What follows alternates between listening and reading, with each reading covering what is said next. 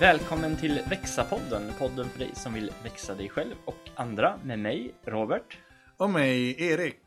Idag har vi en gäst som heter Kristina Boström. Välkommen Kristina! Så jättemycket. I korthet, vem är Kristina? Jag är eh, coach och eh, jobbar främst med eh, måluppnåelse. Att få folk dit de faktiskt vill. Och sen om det är privat, i form av personlig utveckling. Eller om det är i företag, ledarskap där. Eller om det är föräldraledarskap, spelar inte så stor roll. Spännande! Mm. Så poddens första fråga. Hur gör du för att växa dig själv? Ja, det finns otroligt många sätt som jag växer mig själv på. Och det spontana är reflektion. Mm. Att eh, jag är en sån här fantastisk person. Så lyfter vi upp alla människor som tycker om att älta väldigt mycket. Vi börjar där. Eh, men när man hamnar i situationer som man inte riktigt, ja men hittar inget syfte i eller förstår så blir det så här, men vad hände, vad kunde jag ha gjort annorlunda? Och den processen är väldigt, väldigt mycket i, i min hjärna hela tiden. Mm. Och jag vet att jag är med många andra självklart, men det är någonting som inte alla har den egenskapen att vara sin egen motpol i reflektionen. Mm. Mm. Vill jag förstå allting? Är det en del av det också? Ja, dels vill jag förstå, men dels också i lägen där man hamnar i, ja men jag hade inte riktigt velat bete mig på det här sättet. Ja. Och istället då för att gå in i det dåliga samvetet som ofta kommer över att man har gjort fel och gå in i, i repetitionsmode liksom och bara säga men vad kunde jag gjort istället? Att man byter ut det mot någonting, ja men nästa gång ska jag göra så här så att det mm. blir någon form av rollspel i mitt eget huvud. Mm. Och hur gör du för att säkerställa att, att du gör på ett annorlunda sätt nästa gång? Det går ju inte att säkerställa hur, att hur, man hur ökar, gör. Hur ökar du chansen för att... Eh, Men grejen är ju den att om vi tittar på hur hjärnan fungerar mm. så är det ju fler gånger du använder två neuroner desto fler mm. eller troligare är det att du använder dem nästa gång. Mm. Så är oavsett om det är praktiskt att du övar det i verkligheten eller om du övar det i hjärnan mm. så aktiverar du samma neuroner. Mm. Så att egentligen så är den här repeteringen för att tvinga hjärnan att aktivera de nervbanorna. Mm. Så om jag förstår rätt så du, du vill ändra någonting och då i huvudet sitter då någon som kör det scenariot om och om igen för att träna mm. den här eh, kedjan någonstans? Ja, tills dess att jag känner mig lugn var väl det, det, ordet som kom fram liksom. Men, men att jag är contempt, jag vet mm. inte vad den svenska översättningen är till det. I situationen att jag känner att men, jag vet hur jag skulle ha gjort, jag har ett sätt som jag skulle ha gjort annorlunda. Mm. Typ trygg? Ja. Mm. Har du ett exempel? För det vore lite spännande att se på där du har gått hela den här, hela den här vägen någonstans. Ja, ja, det händer ju inte varje dag, men nästan varje dag att jag har något så här, oj, nu borde jag inte ha gjort. Men ett exempel som är väldigt, väldigt nutida är ju från, ja, igår då när, när podden spelas in så hade jag ett eh, sammandrag för mina fotbollskillar och det kommer en förälder, eller först kommer ett barn som säger, ska jag spela match? Han ska inte spela match för han har inte betalat medlemsavgiften men vi har folk kort så att vi behöver egentligen den här spelaren. Jag säger till honom att du får egentligen inte vara med men gå och byt om för vi behöver spelare. Och då kommer pappan och bara så här mitt i match. Alltså jag har ett lag på planen, sju ungar som jag måste ha koll på när de har bytestider, vad de gör, alltså hela den här biten. Och så står föräldern och tycker att jag ska ta tid för ja, men honom i det här fallet och prata medlemsavgifter. Och man bara så här, nej. Och i den här stressade situationen så är jag nog ganska, jag uppfattas i stressade situationer som rak och hård. Jag vet det, jag jobbar på det. Men i det här liksom bara så här, alltså jag är ledsen men jag kan inte göra två saker samtidigt. Så att parkeringen är där borta, jag kommer bort när matchen är slut så kan vi diskutera det här. Mm. Och jag kände ju liksom efter att nej det här är inte bra. Liksom. Och för jag vill inte, vill inte upplevas som den här dumma hårda personen. vilket jag kan göra i de situationerna. Och då, ja men dels så pratade jag med de andra tränarna och sa det här har hänt. Ja, det kan vara så att vi har förlorat en spelare för att jag har Mm. gjort en förälder upprörd. Och dels liksom, ja, men vad skulle jag ha gjort istället? Mm. I det här. Ja, men jag kanske skulle ha gett bort ansvaret två minuter till, för jag hade ju två stycken Mm. till med mig på laget och bara säga till dem att ja, men håller ni koll på det här i två minuter? Mm. Och kunna liksom ta ett djupt andetag och faktiskt pratat med den här och tagit den här korta, korta istället för att säga men jag är ledsen, jag kan inte, jag hinner inte, du får vänta. Samma sak fast mycket mer på förälderns nivå än vad det var i min stressnivå. Liksom. Mm. Så att där är jag. Och nu kommer du att köra den här om och om om igen, så nästa gång så är du mer förberedd, eller hur ser liksom processen ut härifrån till nästa chans? Liksom? Den har gått igenom huvudet hundratusen gånger. Ja. Jag har pratat med den som sagt med hjälptränarna. Jag har pratat med den med andra människor runt omkring och liksom bara, "Ja, men vad skulle jag gjort, vad skulle jag inte ha gjort? Eh, så att den har gått. Så att jag är ganska nöjd och lugn med liksom vad jag skulle ha gjort istället. Så att jag vet, nu, nu syns ju inte de här Nej, men- harfnuttarna på podden självklart, men, eh, men alltså rent logiskt så vet jag. Sen är det inte säkert att jag reagerar så nästa gång. Nej, men då får jag köra snurran igen. Mm. För då har jag kommit lite närmare den reaktionen som jag vill ha. Eh, du börjar med att säga att ja, men du växer dig själv på så många olika sätt. Vilka mer sätt har du? Ehm, jag har, har kommit fram till att jag börjar bli gammal för när man säger ja men de senaste 15 åren har jag gjort. Ehm, men, eh, ja, men jag började ju egentligen att komma i kontakt med den här Human Potential-rörelsen. Eh, och sen får man säga vad man vill om den. Eh, Men den har hjälpt mig otroligt mycket i att forma vem jag är. Mm. Att inte bara acceptera att jag är som jag är och jag kan inte ändras. Så att jag har ett manus eller ett skript där jag skriver vem jag vill vara. Det roliga nu 15 år senare är att man bara säger men det här är jag faktiskt och det här är jag faktiskt och det här är jag faktiskt. Att det jag då ville vara har jag faktiskt växt in. Mm. Eh, sen har jag en bit, bit kvar, alltså jag har 50 år kvar innan jag är uppe i min självbild av vem jag vill vara. Ehm, eller 100, lite beroende på hur man ser det. Men man blir ju aldrig färdig. Och när man når självbilden, ja, men då skaffar man Skaffar man en ny? Ja men precis. Lite så. Jag jobbar jättemycket med målsättning. Mm. Jättemycket med visualisering. För precis samma sätt som min den här repetitionen och ältandet. Så är det ju så att övar vi saker så blir vi bättre på det. Mm. Och det är ju det plasticiteten är i hjärnan då. Vi, vi kan faktiskt förändra hur hjärnan är uppbyggd. Med väldigt mycket repetition. För den vill göra så lite energi som möjligt. Och då, då får vi tvinga den att göra det vi vill att den ska göra. Du beskrev det här med att du hade en bild av hur du ville, hur du ville vara och där du check check på ganska många av sakerna. Lite privat fråga, men vad av det som du faktiskt har, har åstadkommit, vad är du mest stolt över och vad har liksom varit vägen dit? Om man ser från där du började till där du är nu. Mm. Mm, Det jag är mest stolt över egentligen är väl att jag inte har gett upp. Mm. För personlig utveckling är inte lätt. Alltså det är så här.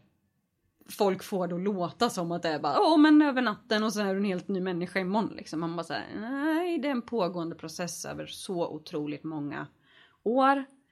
Och det är så många gånger som jag har kommit ur fas. Och börjat om. Och börjat om och börjat om och börjat om. Så det är väl egentligen det som väldigt många säger till mig också. Jag är så fascinerad över din förmåga att bara fortsätta. Eh, men också känslan i mig själv. Liksom att bara push on. Men det är ju också för att jag vet vart jag är på väg.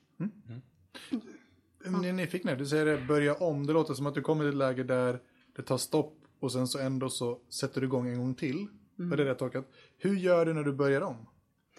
De allra flesta gångerna så faller jag ur ja, men, processen eller vad man ska säga. Och då får den vila ett tag till viljan kommer tillbaka. Ja. Och det kan vara två dagar, det kan vara ti- tio år höll jag på att säga, riktigt så länge har det inte varit. Men det kan vara ganska långa perioder i sträck där jag inte av olika anledningar orkar eller prioriterar upp de här små vanorna som att läsa mitt, mitt, min självbild varje dag. Eh, för det gjorde jag ganska mycket i början. Och sen så har den varit med så att jag har sett den lite nu och då. Jag har tagit fram den, vi har flyttat och den har kommit fram och tillbaka och så har man liksom tagit upp det. Tills nu i, ja men i början på året, det är bara så här nu, katsingen. Och så spelade jag in den. Så att nu lyssnar jag på den varje morgon. I inspelad form. Så att det blir liksom så här, ja men, ja men man faller ur och så kommer man på att just det, det var ju dit jag skulle och så plockar man upp det igen. Så att det är inget som jag egentligen systematiskt tvingar mig till. Utan ibland behöver saker vila, jag behöver fokusera på andra saker. Jag har trots allt familj och företag och annat att göra och då får det liksom, ja men tunga perioder då kanske jag bara behöver sova. Och då får fokuset vara på återhämtning. Sen kan jag fortsätta min process. Är det samma självbild som du jobbar med som du skrev för 15 år sedan eller liksom uppdaterar du den efter vägen? Hur, hur funkar det? Jag har faktiskt samma Mm. fortfarande. Mm. Den är eh, inte uppfylld än. Nej. Men jag börjar komma till punkten där jag känner att jag behöver skriva om den. Ja. Just i och med att det är många saker som jag har nått. Mm. Och mycket är också hur jag ser på mig själv. Så Mm. det är liksom ingenting som jag behöver ändra mer än mitt tankesätt då. Nej, precis. Så att eh, där någonstans är jag har kommit till punkten där jag behöver skriva om det. För jag tänker 15 år är ju ganska lång tid. Du säger att ja, personlig utveckling tar lång tid. Så jag förstår Mm. ju liksom också att det, att, ja, men, det, tar, det tar lång tid helt enkelt. Och jag hade nog ändrat mig några gånger på vägen liksom och uppdaterat den. Så jag är fascinerad och imponerad över att man kan hålla fast vid den så länge. Du sa att du låter det gå och sen så när du känner dig redo plockar du upp det igen. Om det bara hade gått och gått och gått och gått och du inte hade kom, fått tillbaks den här känslan av att vilja utveckla dig själv. Vad tror du att du hade gjort, förlåt inte som att det har hänt, men vad tror du att du hade gjort för att bryta den psyken eller för att komma in i det trots att inte den här naturliga motivationen kommer igång? Liksom? Mm, vi kan väl gå tillbaka till mitt vinterbadande. Mm? Ehm, för det var en sak som jag aldrig har gjort förut. Mm? Utan jag, jag tog ett beslut. Jag ska fokusera på mig och min, mitt mående så att jag börjar få må bra. För jag var i en situation i livet där jag mådde ganska skit. Mm. Och då tog jag ett beslut. Punkt. Jag ska göra det här varje dag. Eh, så jag gick min promenad varje morgon och avslutade det med ett dopp.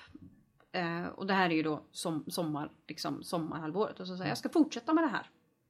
Och, och bara beslutet att göra ändå. Vissa månader man bara mm, nej, jag vill inte. Men göra det ändå. För jag har tagit beslutet att göra det. Och sen ska jag väl säga det också att jag har inte badat jättemånga gånger i vinter.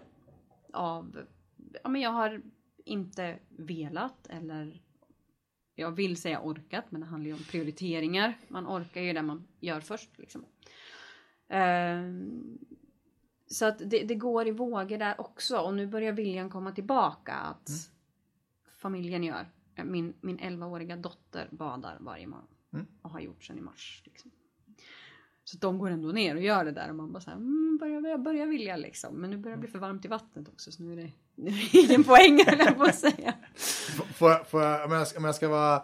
Då låter det som att, det, återigen det här med att, att vänta så kommer det tillbaka. Men återigen då, om det inte kommer tillbaka, om du står där efter ett år och fortfarande inte kommer framåt i din egen utveckling, för du, du har liksom inte, det finns ingen vilja, det är, en, det är väl nästan som man, i ditt fall låter det nästan som att det blir ett, det skulle, det skulle nästan vara ett, ett sjukligt tillstånd för att hamna där. Men om vi tänker på en vanlig person som inte riktigt har det här suget, drivet och jobba med sig själv. Hur tror du man kan locka fram det? Mm. Och jag tror om, om vi liksom ska vara väldigt, väldigt generaliserande. Att vill du inte så är det fel. Mm.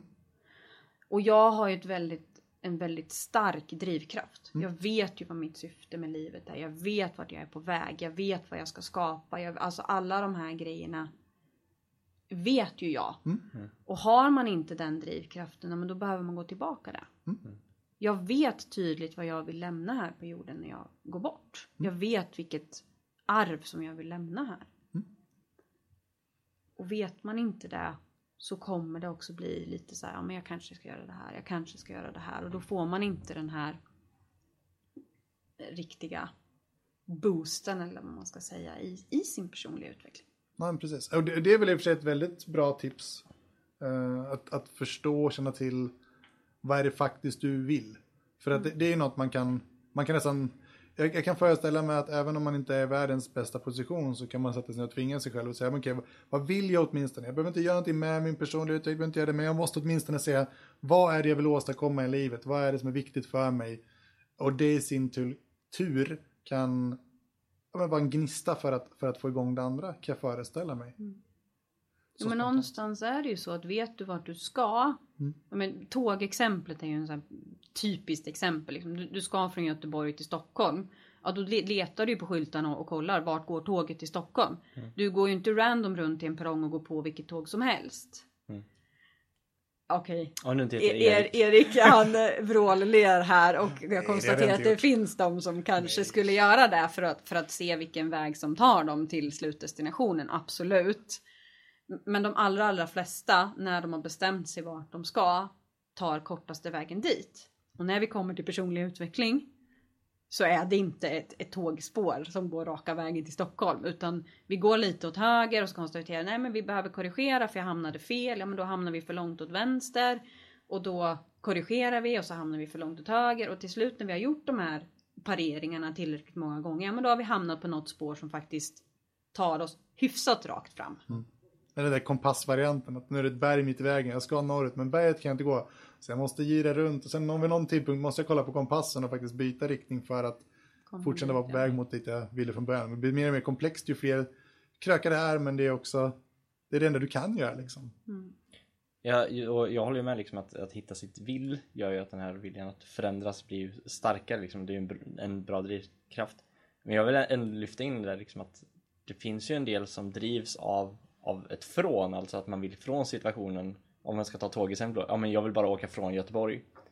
Och sen ser vi, tar jag det därifrån liksom att man behöver läm- kanske först lämna situationen man är i eller ja, ens livssituation då. För att kunna hitta, hitta sitt vill överhuvudtaget. Hur tänker du kring det? Jag tänker spontant att det är bättre att ha någonting som man vill till Mm. än vad, att vad man vill från. Sen håller jag absolut med dig. Att ibland så måste man bara göra sig av med en situation som är nedbrytande eller på annat sätt destruktiv egentligen. För att kunna hitta sig själv. Så man måste skala av. Och det är ju någonting som, om vi nu ska gå in på, på det lite personliga, privata planet också i den här podden. Så vi, så jag behövde separera. För att ta ansvar för min del. Och förstå att jag, oj, är det jag som måste liksom i det här komma någonstans?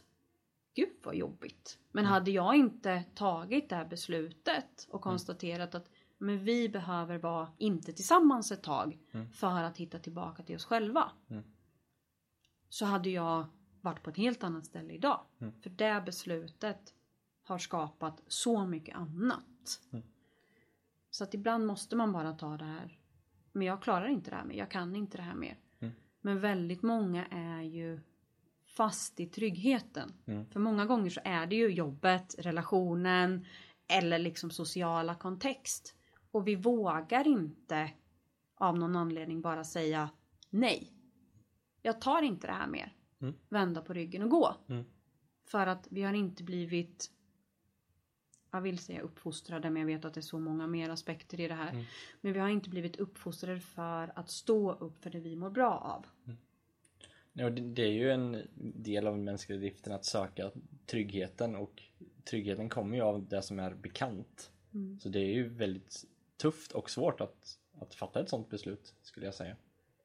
Jag skulle till och med säga att det anses som lite fult. Det, det vi har ju, om vi, det kanske, jag vet inte om det är en svensk grej eller mänsklig grej, men, men det, det här med att tänka på sig själv och sitt eget välmående på ett sätt som indirekt påverkar andra kan ju, kan, tyck, upplever jag, ofta kan uppfattas som egoistiskt eller lite odisciplinerat eller någonting, fast det egentligen är supervärdefullt eller superviktigt. Men, men jag tror att det finns en kulturell utmaning eller en, en psykologisk utmaning att göra det på grund av att man ser sig själv som en dålig människa om man prioriterar sig själv för ofta. Mm. Jo men visst är det så. Eh, och då är vi tillbaka till självbilden. Mm. Vem, vem vill vi vara? Eh, om vi då går tillbaka till mig och min process så har ju det varit otroligt viktigt men också otroligt svårt. Mm. Att säga mina behov. Mm. Och säga det, det här behöver jag just nu. Och faktiskt bara så här, men jag behöver gå och lägga mig för jag är trött. Mm. Och det, det hade inte jag gjort för tre år sedan. Om vi ska knyta ihop första frågan så är jag jättenyfiken på att höra hur får man andra människor att göra den insikten om sina egna behov, att, att prioritera det. Hur kommer man över den?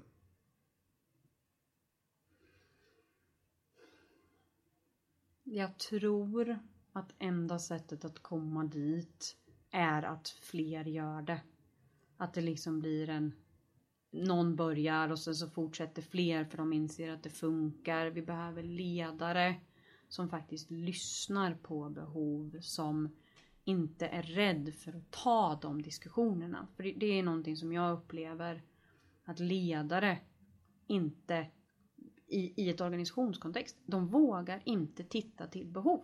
De vågar inte fråga, vad behöver du för att prestera som bäst? Och de första 10, 15, 20, 100 gångerna man frågar den här medarbetaren så kanske de säger, jag vet inte. Men ju fler gånger de får frågan, desto mer bearbetas det in. Så jag tror att det bara är förebilder. Någon som går före och säger att Ja men du, livet funkar även om du står upp för dina behov och faktiskt visar att du också är människa liksom. Så våran andra fråga. Hur gör du för att växa andra? Det beror helt på vilket kontext. Vi börjar där för att om jag har killarna på fotbollsplan som är åtta år, då måste jag jobba på ett sätt. Mm. Jobbar jag i rena coachningssessioner, då måste jag jobba på ett helt annat sätt. Så att det här med växa andra, det beror på person, situation och också vad som liksom är runt omkring. Så hur, så om du tar hänsyn till de sakerna då, hur gör du bedömningen liksom vad du ska använda för verktyg eller modell eller vad du nu vill kalla det? Ja. Erfarenhet skulle jag säga. Ehm, lite, ja, men lite tillbaka på liksom första frågan i det här. Att men man får testa och sen får man utvärdera och så får man göra små justeringar till nästa gång. Mm. Och sen kommer man till nästa person som inte alls fungerar likadant. Mm. Och då, då samlar man på sig erfarenhet. Och jag konstaterade ju det att jag har nästan 20 år varit ungdomsledare. Mm.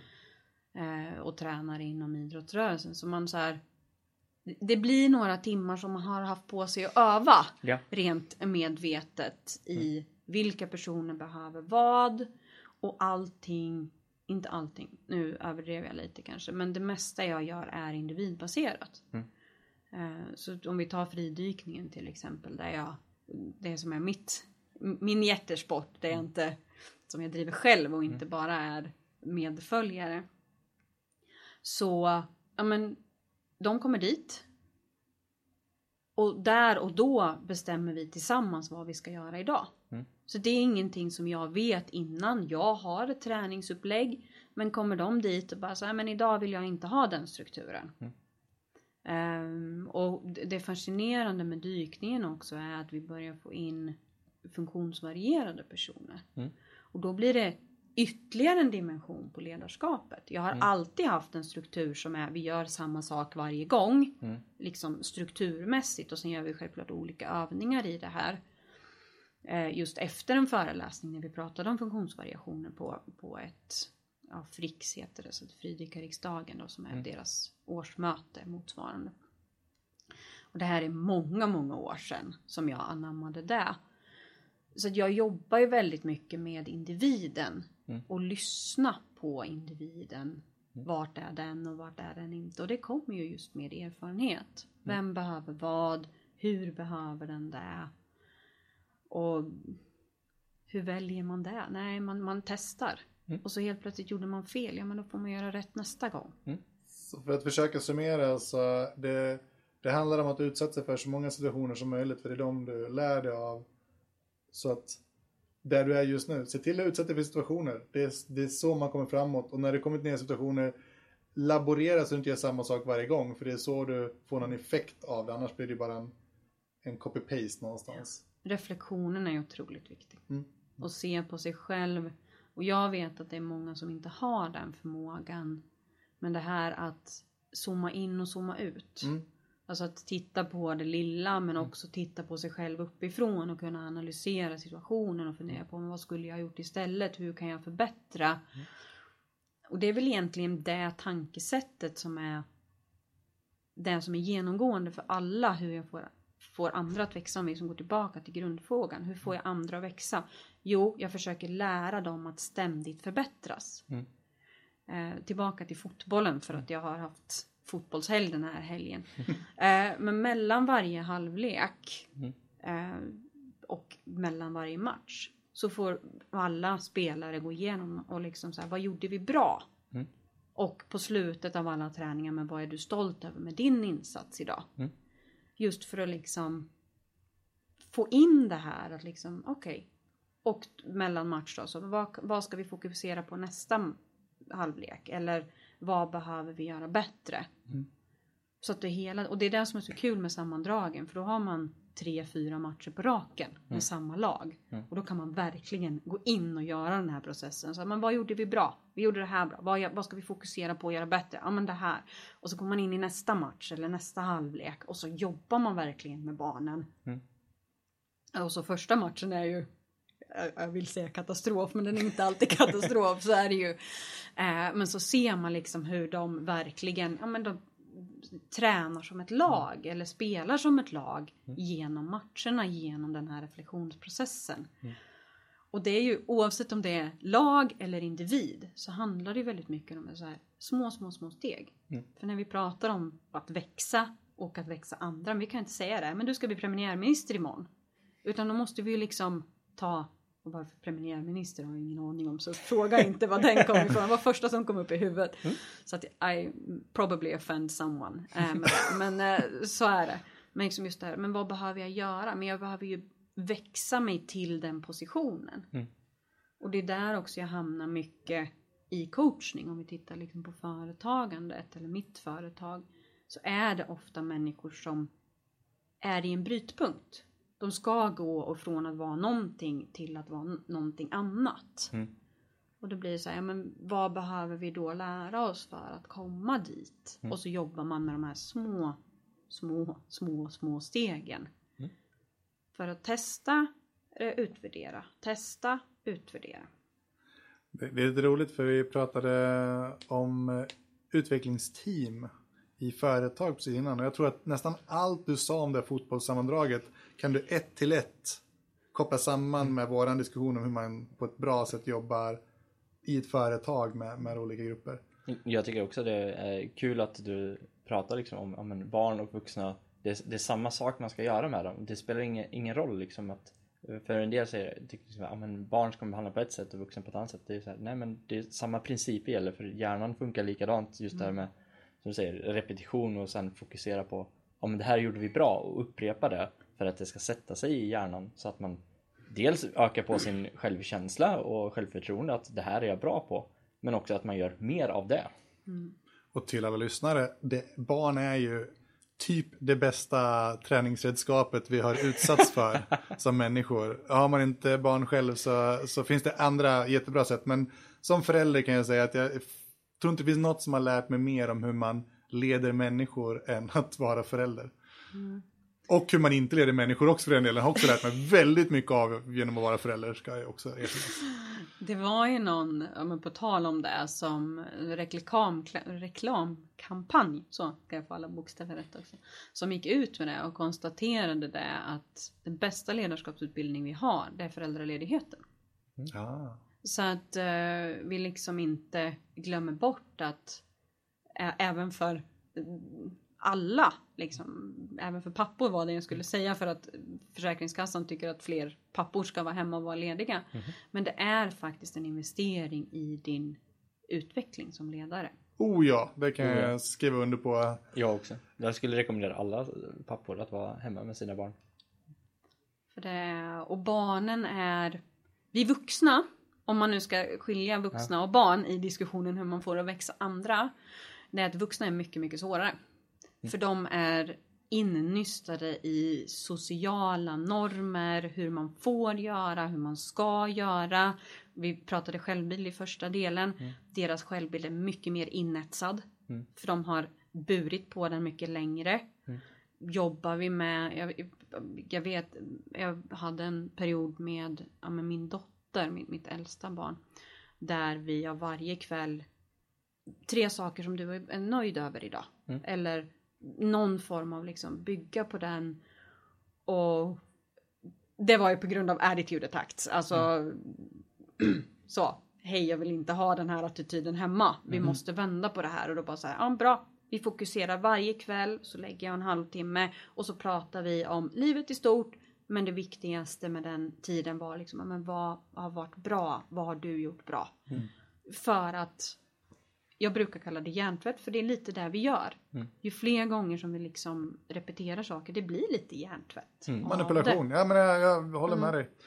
Men barn är inte så innystade så att det är mycket, mycket lättare att få dem att anamma saker än vad det är med vuxna. Mm. Så att med vuxna kan man behöva jobba jättemycket med deras självbild och med deras tro om hur världen fungerar. Mm.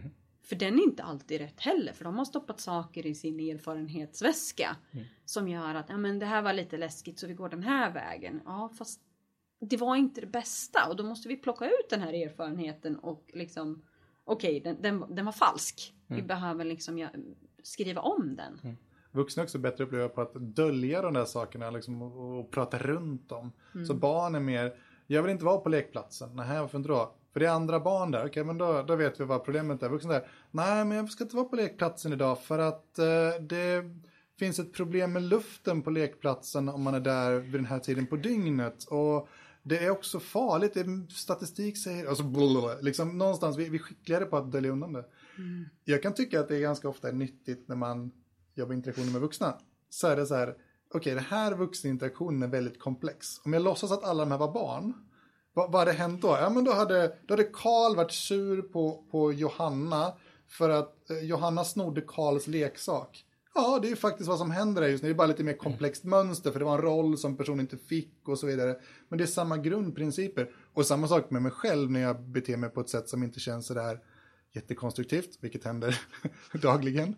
Så kan jag också ibland säga, ja men okej, om jag tittar på det här ur ett, liksom, ur ett barns enkelhet så ja, men det här är ju bara en ren känsla av orättvisa och just nu är jag lite missundsam för att nu snodde den här personen min leksak återigen och då ska jag hämnas för att jag ska trycka till personen så oj, oj, oj, det var, det var inte så mitt vuxna översättande sa det, men det är ju vad som händer, det är ju precis vad som händer just nu. Jag är bara missundsam för att personen snodde min leksak som inte ens är min. Vad håller jag på med? Mm.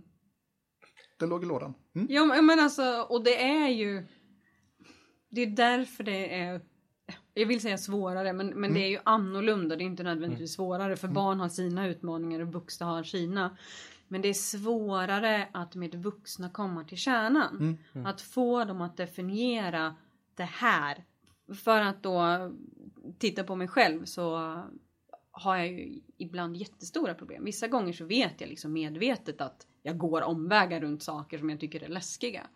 Men andra saker så har jag inte den självinsikten. Jag kan inte se att jag gör någonting utan hjärnan bara automatiskt bara, nej det här gör vi inte. Och det är svårt att komma åt också. Där reflektionen som du sa förut, superviktig. Men där skulle jag också säga att ett externt perspektiv också är viktigt för som du säger, man blundar gärna för det som, som är läskigt eller, och även för hur man själv upplever det. Och det är ju både medvetet och omedvetet man blundar för, för läskiga saker. Att ha någon som utmanar en eh, och kan faktiskt fråga, ja, men, vad är det som gör att du inte går den här vägen? Ja, men det, och sen svarar man undvikande och så får man frågan igen och igen tills man faktiskt svarar där det är. Eh, kan vara superkraftfullt märker jag själv när jag blir coachad. Och det är väl därför den här varför fem gånger övningen är så himla effektiv. Eh, jag har kört den på folk som halvt håller på att strypa mig och jag vet att här, när jag ställer frågan varför då tredje gången så brukar jag också säga det. Jag vet att du kommer bli helt tokig på mig nu, två gånger kvar liksom. Eh, men det händer, jag minst, ja men precis lite så liksom. Eh, men det händer någonting när vi så här, ja men det är så här, ja men varför då? Och så, och så hittar man på något annat svar. Och så varför då? Och så hittar man på något annat svar. Och det här är ju också när man hittar, hittar sina värderingar och sina, vad vill jag egentligen?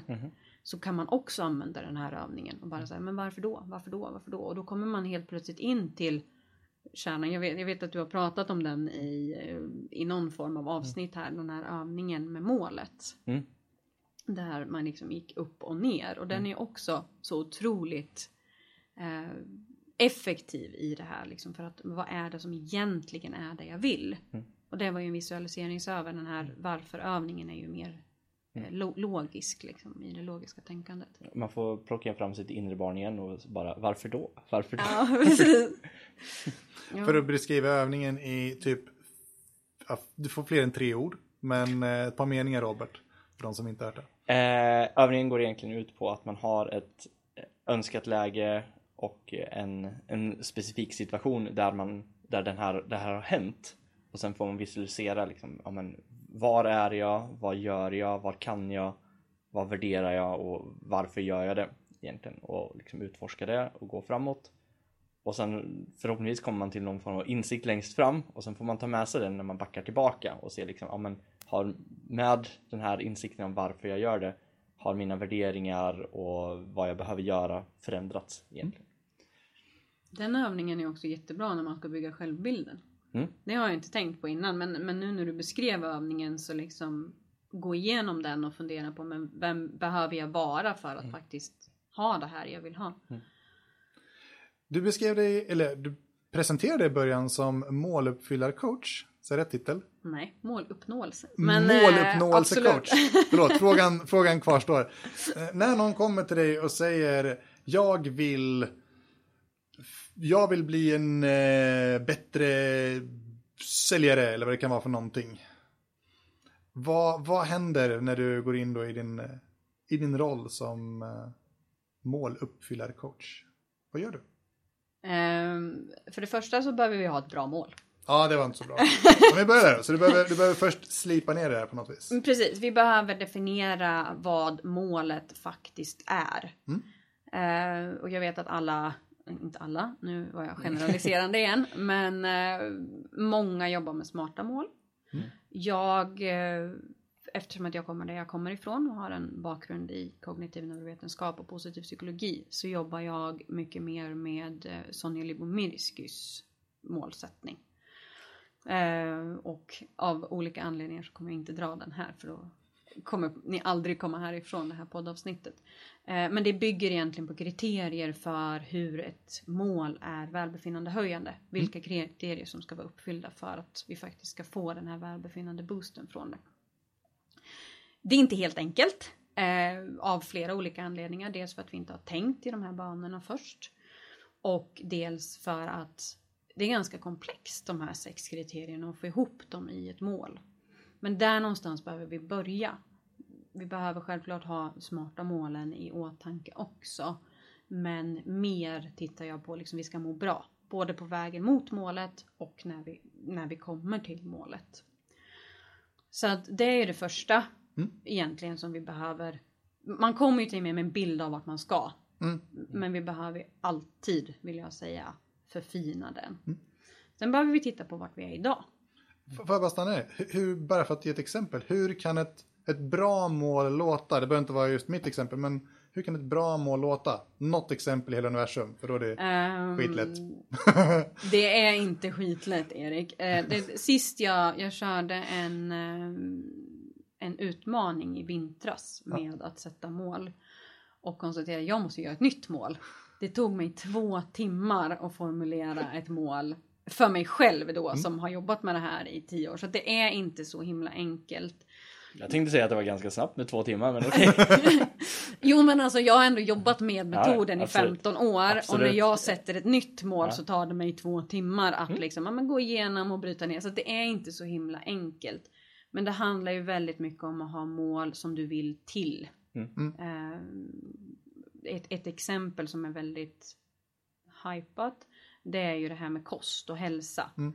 Att man liksom jag vill äta nytto, mer nyttosamt. Ja, men vad innebär det för mig? Ligger det i linje med mina andra mål? För det kanske är så att man ja, men, exempelvis ligger ute veckovis. Ja, men jag kanske inte kan rent ekonomiskt köpa den där salladen varje dag. Utan jag måste kompromissa med någonting.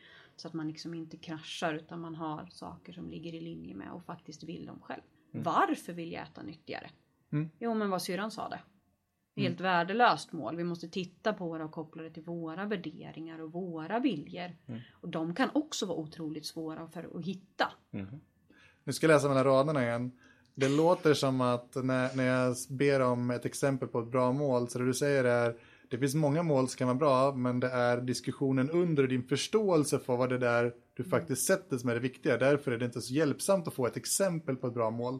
Är det rätt tolkat? Det kan vara rätt tolkat, absolut. Kan Eh, vara det. Det kan vara. Jo men alltså det finns ju ändå. Det är beroende på person och situation. Ja. Så är det ju. Men eh, mycket i linje med värderingar. Så att jag vill äta hälsosammare är ju ett mål som kan vara bra. Ja. Beroende på vem det är vi pratar med. Ja. Så att, okej, ja. är svaret på din fråga. Förlåt, vi, men du fortsätter processen. Det är jag som stoppar det här nu vid målet. Vad händer sen? Nu har vi satt ett krispigt mål som vi förstår och tror på. Då behöver vi titta på idag. Vart, hur ser det ut idag? Och det är ytterligare en väldigt, väldigt komplex eh, situation. För att vi pratar om vuxna i det här. Eh, tillbaka till barn-vuxna skillnaden. Och det är att vuxna gör så otroligt mycket på automatik. Så att de är oftast eh, väldigt omedvetna om hur deras nuvarande situation ser ut. Du menar som exemplet när du kom hit och du frågade hur det var med mig och jag sa ja men det är bra. Ja, Det, men... är så här, det är ett automatiskt svar som inte säger så mycket och jag reflekterar inte så mycket över vad Och när vi det bad Robert att utveckla svaret så sa han, jo, det är bra som utveckling. Ja. ja men det, det är ju lite är- den typen av Ja men precis, det är typexemplet liksom att vi, vi, vi funderar inte så mycket på vart vi är. Vi mest bara går omkring i livet och tycker att alla andra är dumma i huvudet för att de inte gör som vi tycker utan att vi har berättat för dem vad vi tycker att de borde göra. Så att någonstans så måste vi liksom fundera och reflektera och mitt jobb som coach i det här läget blir ju att stötta i tankeprocessen. Och det här kan ju ta ett par tre sektioner bara att liksom definiera ett mål och nu, nuläget. För att det är så mycket mentala spärrar som vi vuxna har lagt på oss. Och sen kan det vara så att session 5 måste vi göra om målet för att vi har gjort insikter längs vägen. Ja. Så att, um, Och nu har vi nuläget. Vad händer? Nu går jag igenom hela din process, men vad, vad händer i, i korthet efter det? mm, steg. Vad, vad är, när jag, jag jobbar med, eh, jag tror att vi kan lägga upp den också, va, pusselbiten. Eh, en bild Jättegärna. i, i poddavsnittet så att man har eh, och kan titta på. Vi Om kan, inte hade länka, en länk under. precis, vi kan länka till den. Ja men precis, så att man kan titta på den. För jag har en, en bild, så för att göra det lätt, där jag har överst så har vi målet, mitt, mitt mål. Och underst så har jag fyra stycken bitar. Som är lite nuläget. Ja, men vilken social support har jag? Vilka är mina psykologiska styrkor? Vilka egenskaper har jag som tar mig till målet? Och vad har jag redan gjort? Så att man liksom får lite hjälp i nuläget. Som tar mig lite framåt. Men också för det här med social support. Är har vi den sociala supporten så är det mycket troligare att vi faktiskt når vårt mål. Så att det är så otroligt viktigt att fundera på men vilka människor har jag i mitt liv som kommer hjälpa mig framåt. Mm. Ehm, Så att den är också med där. Men det är lite så här, men vart är jag idag? Mm. Tänk på den. Och sen är det pusselbitar. Mm. Eller pinnar på en stege eller trappsteg eller vad man nu vill ha för någonting. Men nästa steg sen blir att titta, men vad är första steget? Vilka delar ser jag i det här? Och sen är det ju så här att ska vi gå till himlen måste vi gå genom molnen. Mm. Och så att vi kommer ju komma till en punkt där vi inte ser fler steg. Mm. Utan vi måste komma dit för att ta stegen vidare. Men vi kan ändå börja den här kognitiva processen i att fundera på men vad behöver jag faktiskt göra för att komma till mitt mål. Mm. Ja, men jag vill äta hälsosammare om vi går tillbaka till det bara för att det var det som råkade komma upp. Mm. Men vad behöver jag göra? Mm. Sluta köpa hem godis. Mm. För har du det hemma så kommer du äta det när du vill. Har du det inte hemma så måste du gå till affären och då har du i alla fall gjort en fördröjning på det som gör att du kanske väljer någonting annat i kylen. Mm. Ehm, ja men sådana här eh, mentala ehm,